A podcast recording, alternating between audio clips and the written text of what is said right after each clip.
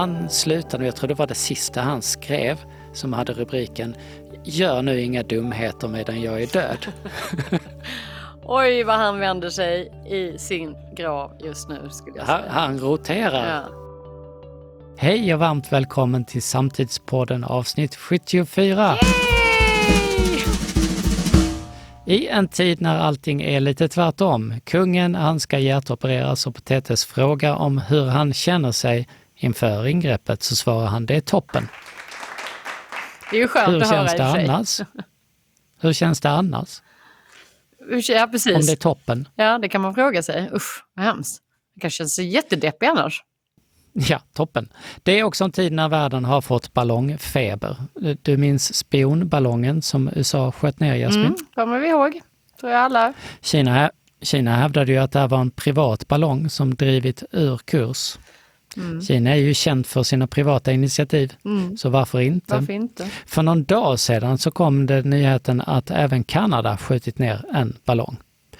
Och samtidigt som roliga människor på internet skämtar allt mer om att en tysk kvinna varnade redan för 40 år sedan om ballonger med en bild på Nena som gjorde, gjorde 99 luftballons, så svarar Kina nu med att säga att i, sedan i maj förra året så har amerikanska ballonger flygit över Kina minst tio gånger, bland annat över Tibet, och att man har ett obegränsat antal amerikanska ballonger som flyger över Kina. En ballongkris alltså, därför har jag kikat närmare på vad vet vi egentligen om ballonger? Ja, det vill vi veta. Vad finns egentligen där uppe, undrar man ju. New York Times kollade detta i veckan. Högst uppe på 36 000 meter, där flyger forskningsballonger. De kollar på himlen. Lite längre ner på 35 000 meter så finns det väderballonger som släpper ut, där visste jag inte, små fallskärmar med mätinstrument som sakta seglar ner och mäter under tiden. På 18 000 meter, ja där hittar vi de här kinesiska ballongerna. Hur stora är de då, undrar du Jasmin? Ja, det undrar jag. De är ungefär som tre bussar. Oj! Men du, och, Jättestora. ja, intressant.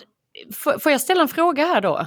Det kanske inte är så att du... inte säkert jag kan svara, nej, men nej ja, det kanske är så. Men för det första så känns ju inte det som att åh, det, det var första gången någonsin det har dykt upp en ballong. För det, de ballongerna måste ju ha funnits på de här olika nivåerna länge. Och nu bara för att vi pratar ballonger så var det ju ballonger över Kiwi igår också. När, eller, hur? Det är ballonger Precis. överallt. Nu kommer vi inte kunna lita på några ballonger. Det är Alls. ballonger överallt och vi undrar lite grann varför vi inte upptäckte innan när de är Eller stora hur? som tre bussar. Lätta att skjuta ner också. Det är ändå ganska Ka- stort om det är så. Det är ju stort. Stort mål. Men vidare med ballonger, vi har ju barnkalasballonger har du säkert också Mm, haft de jag Jasmin. haft. Såna De är med- lite med, mindre. Med någon slags glas. De är mindre, men vet du vad? De flyger, om du släpper dem kan de flyga 8000 meter. Oj! Oj. Stod det i New York trodde de Times, jag tar inte smällde lite faktan. tidigare, men okej. Och då ska man ha som mått att på 2000 meter, ja där uppe flyger de högsta flyttfåglarna. Mm. De är inga ballonger, men de var med i alla fall i det här. Det är ändå bra att du säger det det, som någon så Ja. vet det, att det det är fåglar, inte ballonger. Vi... Mm. Men om, då fick jag tanken, så vad vet vi egentligen om ballonger i sig? Och våra allra första ballonger var djurinälvor Mhm. som vi blåste upp. Mhm. Och aztekerna som ju alltid ska vara värst, det, det, allting, allt det värsta är ju aztekerna alltid. De använde kattinälvor för att göra ballonger som de sedan skulle överlämna till, som gåvor till sina gudar. För gudar vet vi ju alla, de vill ju jättegärna ha eh, ballonger av kattinälvor. Såklart. Eller hur? Kan de käka upp Det är dem helt också? logiskt. Ekologiskt och eh, ätbart om man nu vill det. Pre- eller, exakt. Märkligt. 1700 1700-talet sen så började man fylla ballonger eh, med eh, varmluft, tyger och, och canvas. Och här känner de flesta till Montgolfier-bröderna som gjorde den första ballongen. Eh, man testade 1782 med djur. För man vet ju inte faktiskt vid den här tiden, vad händer när man kommer upp där uppe? För ingen har ju flugit. Nej. Så man vet ju inte vad som händer. Dör man? Lever man? Man testar med ett får, en anka och en tupp. de överlever alla och då förstår man att ja, då kan människor också vara där uppe. Mm. Och då testar man 1783 med människorna. Mm. Det intressanta upptäckte jag när jag läste det här, det var att idén till ballong, den kommer när den ena brodern sitter och tittar på tvätt som torkar över eh, eld. Och då ser han ju att tvätten den rör ju Mm. sig på grund av värmen här. Men vad han egentligen tänker, det är att här kanske man skulle kunna inta Gibraltar. För Gibraltar är ju där ointagliga från både från land och från havet så kan man inte inta Gibraltar. Och då tänker han, man kanske skulle kunna flyga och attackera Gibraltar. Och då skulle man kunna göra det med det här. Men han tror att det är röken som har Så var flygegenskaperna. Och det gör att han smart börjar kalla rök för montgolfiergas. för att kunna ta, liksom, jag har upptäckt ett nytt flygämne, vi kallar det för montgolfiergas. Och det är därför också de i sina ballonger alltid eldar med saker som ryker. Ja, För att de tror att, att det är det som gör grejen. Ja.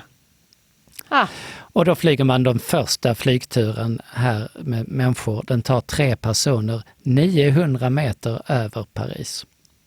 Alltså det här var ju massa kunskap som eh, man fick sig till livs som han inte hade en aning om. Det var ju roligt Ja. så här en torsdag. Gillar du, att- gillar du att flyga, om man bortser från klimatproblematiken? Nej, jag gillar du att vara hade högt gärna uppe i... hoppat över flygning i alla dess former, eh, oavsett klimat eller inte. Jag kan ju bara tänka mig hur det känns om man är den första människan någonsin att flyga, vilket de här väl lär vara då på det sättet.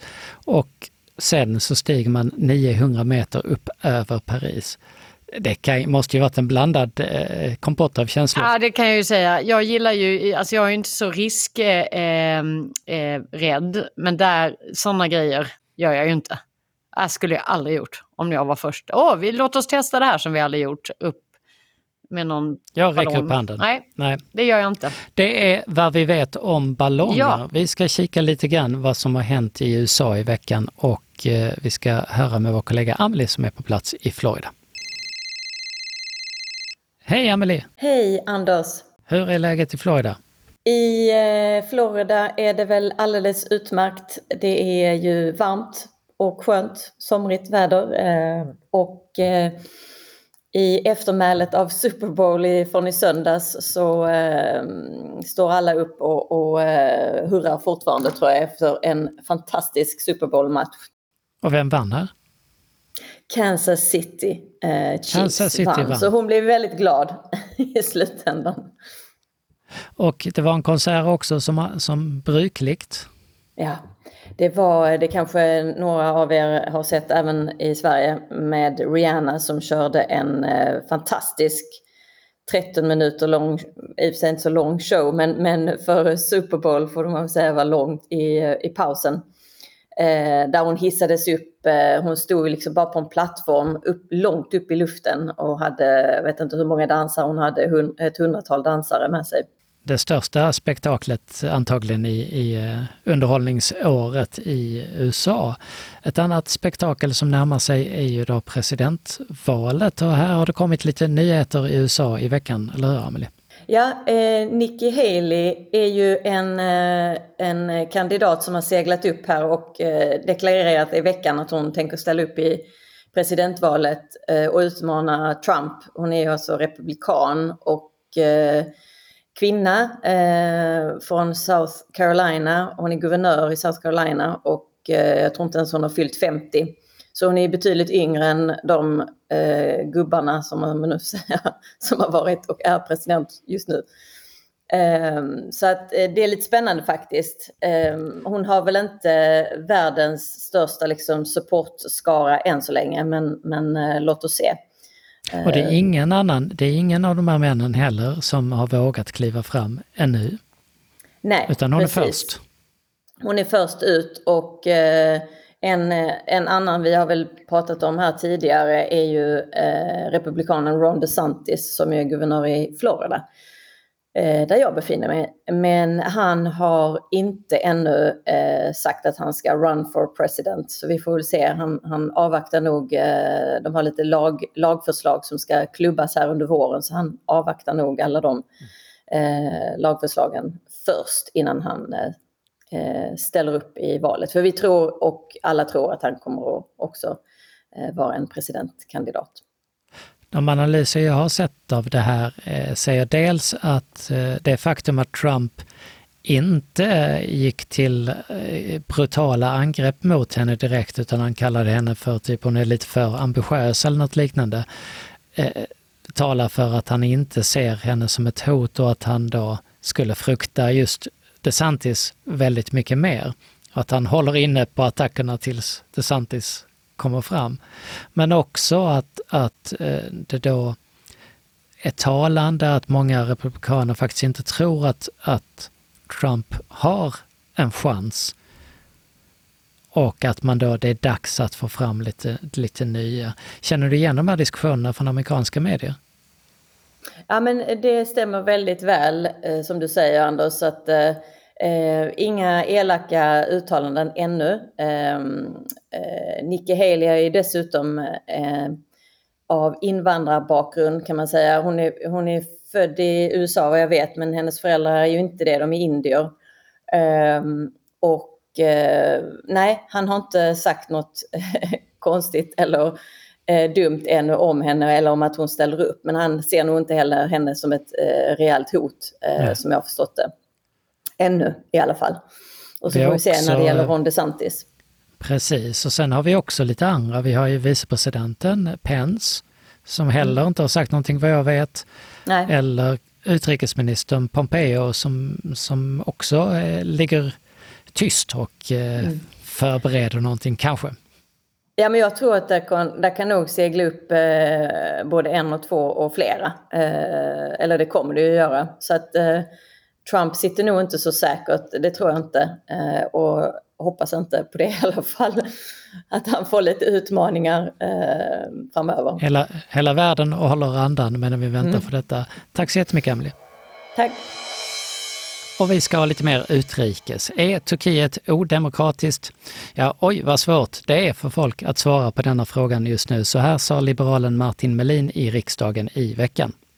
Ingen gillar ett land som är odemokratiskt, men är Turkiet odemokratiskt? Vi hörde utrikesministern som sa att nej, de har fria val. De har oppositionspartier. På så sätt så faller ju faktiskt Turkiet in under benämningen demokrati. Sen kan man diskutera huruvida det finns eh, grader i helvetet, men vi betraktar Turkiet som en demokrati. Sen betyder det inte att man måste gilla de som leder demokratierna. Och det här var Samme Melin som vann Robinson, om ni kommer ihåg det. Kommer du ihåg det? Absolut. 97, absolut. Tror jag det var. Ja.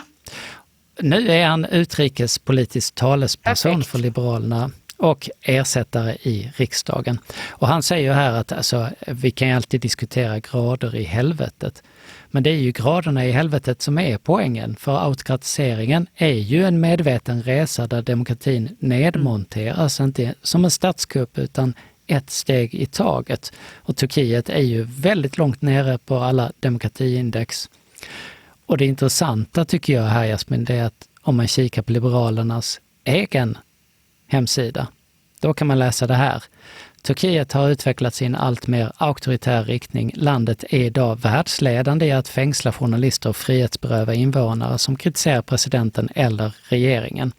Under Erdogans ledning är Turkiet vare sig en demokrati eller en rättsstat och ett sådant land kan inte bli medlem i unionen, vill säga EU. Ja men det är ju ganska tydligt, men eh, blir man inte alltså återigen förskräckt över inkompetensen eller ointresset att faktiskt ta reda på saker. Alltså, jag, jag lyssnade ju på det här klippet och där han eh, också pekar på att eh, eh, ja, men man har ju oppositionspartier. Ja, du menar eh, att man med opposition eh, sätter dem i fängelse så, så att de absolut inte kan bli valda? Eller hur, hur, exakt vad i oppositionsdiskussionen?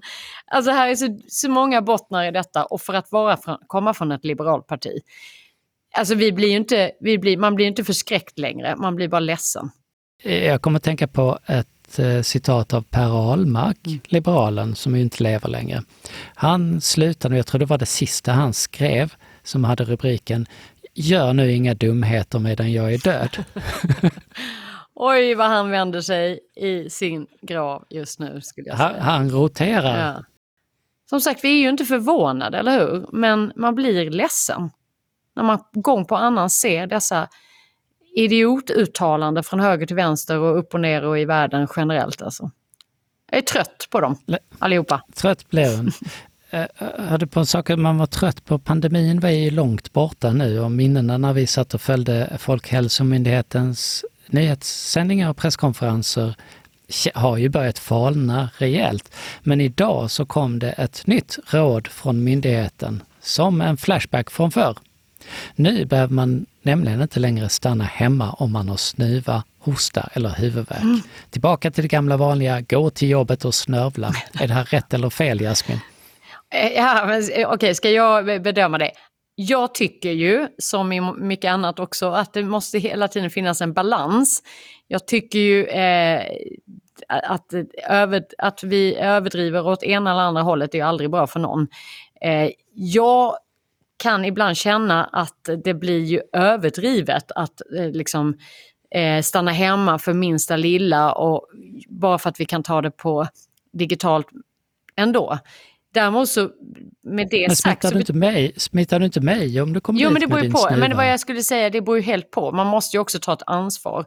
Känner man att, att man eh, sitter där och ska hosta någon annan i ansiktet så gör inte det. Det var, väl inte, det var ju lika sunt förnuft när vi började bli hemkommenderade under pandemin. Du ska ju inte vara på en, en arbetsplats om du är sjuk. Däremot, vad jag menar med att ibland så kanske det blir i, i överdrift när folk är hemma för eh, minsta lilla eller man kanske har varit hemma i tre dagar med en, en eh, förkylning och att man är ganska frisk men det är ganska skönt mm. att vara hemma de där sista två dagarna. Så tar man det för ursäkt att Ja men du vet pandemin, vi ska vara ja, försiktiga. Så det, Samtidigt har det varit ganska skönt att slippa de här pendlingstågen där bara folk sitter ja, men jag menar ju och det. Man ska inte sitta ner där. med sin ja. hosta. Ja, men jag menar ju det och jag undrar om inte det är lite det det är svårt att tolka naturligtvis, då är vi tillbaka till att är det här kunskapsbaserat eller inte. Men, men jag kan ändå känna lite att, att tolkningen eller re rekommendationen kanske är att, att liksom en liten sån här snörvelsträng i ett barn när man lämnar dem på dagis, som barn är i princip 90 av, av, sin vakna tid när de är små. Da, dagiselvan som man kallar ja, det för. Exakt. Där, där gick ju, till slut blev det ju bisarrt när man, liksom, man hörde småbarnsföräldrar inte kunna lämna sina barn på ett halvår. För man är snörvlig, punkt. Hela, hela dagistiden. Så det är där jag tänker att eh, men jag menar herregud, är man snö, liksom ordentligt förkyld och, och snörvlig och hostar på andra, stanna hemma. Oavsett vilket så blir det väl mer eh, hostigt och snövligt på jobben framöver mm. efter Men vi behöver väl också skaffa det där immunförsvaret tror jag. Hans, deras argument är att vi är ju har varit otroligt eh, eh, försiktiga nu så vi förstör ju vårt immunförsvar och det är ju inte bra om det kommer något annat. Så det finns ju någon eh, vits med det där att vi blir lite utsatta. Utsatta blir också eh, våra kollektivtransportmedel med hackerattacker mm. och SAS hemsida kraschade i tisdag så nu är det SJ, Arlanda Express och andra tågbolag som hotas. Redan idag har Norrtåg och JLTs sajter attackerats och det här är då en följd av det vi pratade om innan, eh, nämligen eh, eh Paludans koranbränningar som eh, vi har tagit upp flera gånger i, i Samtidspodden.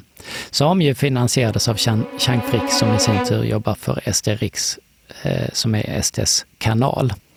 Och eh, bra jobbat regeringsunderlaget får man väl säga här. Vem är det som skapar kaos i Sverige? Jo, det är, det, det är de som säger att det är kaos i Sverige, bidrar också till att skapa det. Mm. Och nu får vi se hur det går med, med attackerna. Det ligger alltså hacker eh, gäng, eller jag vet inte vad man ska kalla det, hackergrupper mm. bakom här då som har piskats upp att gå till angrepp mm. mot, mot Sverige just för att vi då sägs stå för dessa bränningar som då var orkestrerade i början. En, ett virvar. Mm, men jag lyssnade, det var intressant häromdagen, jag lyssnade lite på någon analytiker kring det här, att det liksom, vad är anledningen då? Att det finns ju eh, också de som inte tycker att vi ska gå med i NATO av olika slag, det ligger ju också i deras intresse att eh, det blir den här oron. Eh, så mm. där är nog många intressen i att, att piska upp den här orosstämningen liksom, och hacka. Eh, kanske, alltså, kanske inte bara är de som är provocerade av Paludans eh, liksom, dåd, utan för att då, det var det, var det här, ofta ser man ju, åsikt att man skulle gå direkt ser man ju samverkan, mm. Samverkan i, i det här ofta är, är det ju då ryskt eh, finansierat då som man, i, i det här fallet kan man säga att här sammanfaller två intressen på ett bra sätt. Det ena intresset är att skapa kaos överlag för det är politiskt intresse att det är kaos och det andra är följden av mm. det. Mm. På tal om politik, Jasmin, hur ser politikerna egentligen ut? Jag läste en jättespännande text av Susanne Ljung i DN idag om manskläder. Eh, om man tittar på Kristersson till exempel, hur ser han ut? Han har ju de där tajta, smala kavajerna. Eh, Macron har samma, det är väldigt många manliga politiker som kör tajt och eh, smalt. Hon skriver att det var länge sedan slimmade manskläder var modernt, men nyhetsankare, sportjournalister på tv och högt uppsatta politiker inom SD fortsätter att trivas i trånga kostymer. Lite kul eftersom det är en look sprunget ur ett queert ideal. Och man känner igen det där att det kom någon gång på 00-talet. Hon spårade till modeskaparen eh, Hedi Sliman som lanserar en herrmodelinje för Dior och han ville utforska den moderna manligheten. Och då kom man från ett läge, läge där det har varit eh, grunge och hiphop och det varit löst och plötsligt så kommer det smal silhuett, jättesmala byxor och supersmala kavajer där liksom knapparna vill sprängas. Och nu går vi då eh, tillbaka till mer rymligt. Och i artikeln så säger herrmodeexperten Per Nilsson att 2023 ska byxan vara en byxa, inte en långkalsong. Hur viktiga är dina kläder Jasmin? Ja, men det tycker jag att det är. Att det är ja, men jag tycker det är roligt att använda det som uttryck i olika sammanhang. Um, men jag är ju inte Reflekterar du över dina kläder? Vad sa du? Reflekterar du eh, av vad dina kläder signalerar? Ja, men det gör jag nog. Jag funderar nog på vad jag har på mig beroende på situation. Eh, sen är jag mer eh, eh, att det ska kännas bra för mig, inte att det ska vara mode i sig, liksom, att det ska vara någon sista trend. Det är jag ganska okänslig för. Men däremot med roligt, jag måste ändå kommentera med de här smala, eh, smala kostymerna. Jag noterade, jag modererade en hel del konferenser här i höstas och noterade eh, stundvis att, att i sammanhang med mycket affärs, eh, liksom näringslivspersoner, så är det kan jag ju säga att, eh, och jag fick inte det memot kan jag berätta, men då var i princip alla klädda i en mörkblå kostym och vit skjorta. Um, faktiskt 90 procent. och de, det var alla smala. Konferens, eller smala, konferens, smala, kostymer. smala. Vi ska gå vidare till positiva klimatnyheter. Yes.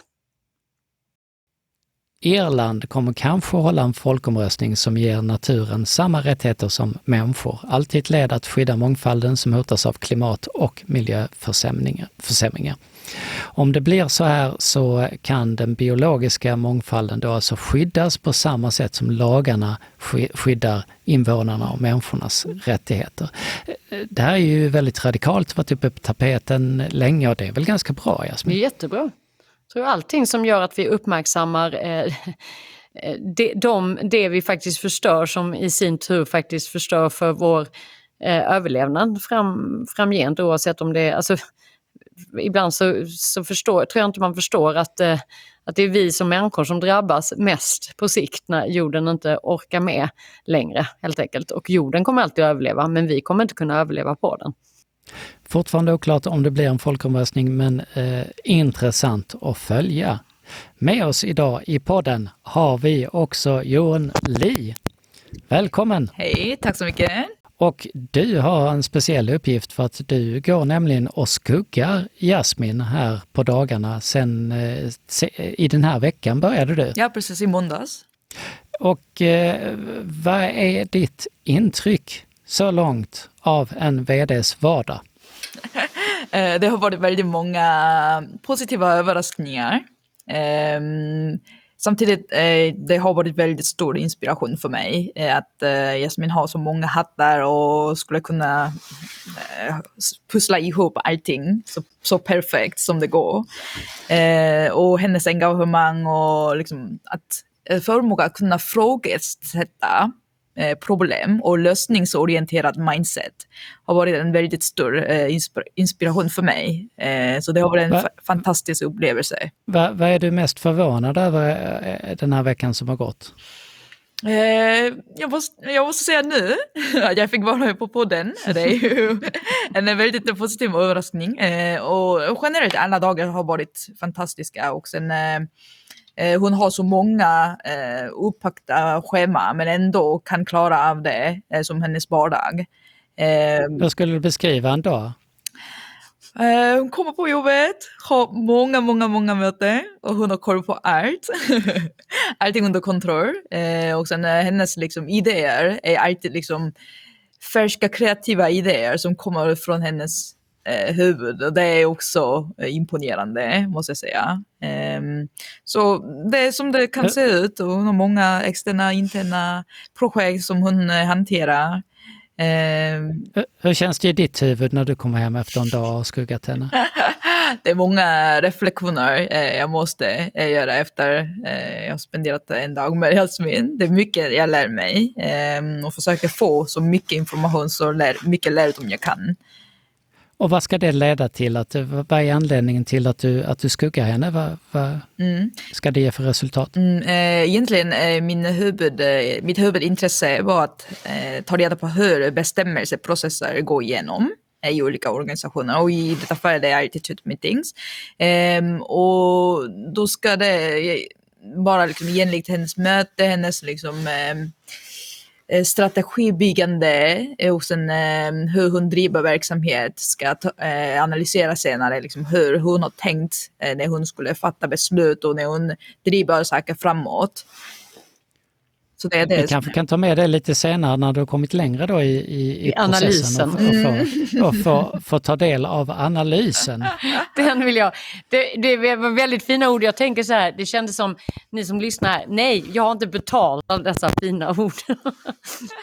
Idag är det den 16 februari och idag eh, 1923 så öppnar Howard Carter Tutankhamons grav för första gången. 1959 tar Fidel Castro över som landets premiärminister efter att ha störtat Batista samma år och 1962 idag så visas regalskeppet Vasa för allmänheten för allra första gången.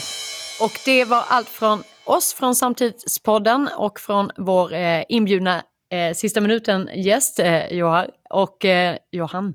Ni vet ju var vi finns hoppas vi, om det inte nu är första gången ni eh, lyssnar på oss. Vi finns på eh, altitudemeetings.se och i alla olika typer av sociala medier. Så det är bara att hänga på om ni saknar oss på den vecka det tar. Eh, nej, nu är det ju två veckor Anders, för jag är ju inte hemma nästa vecka Två veckor är det. två veckor till nästa samtidspodd. Eh, men eh, tiden går ju snabbt när man har roligt och vi hörs och ses igen eh, om två veckor. Tack för idag.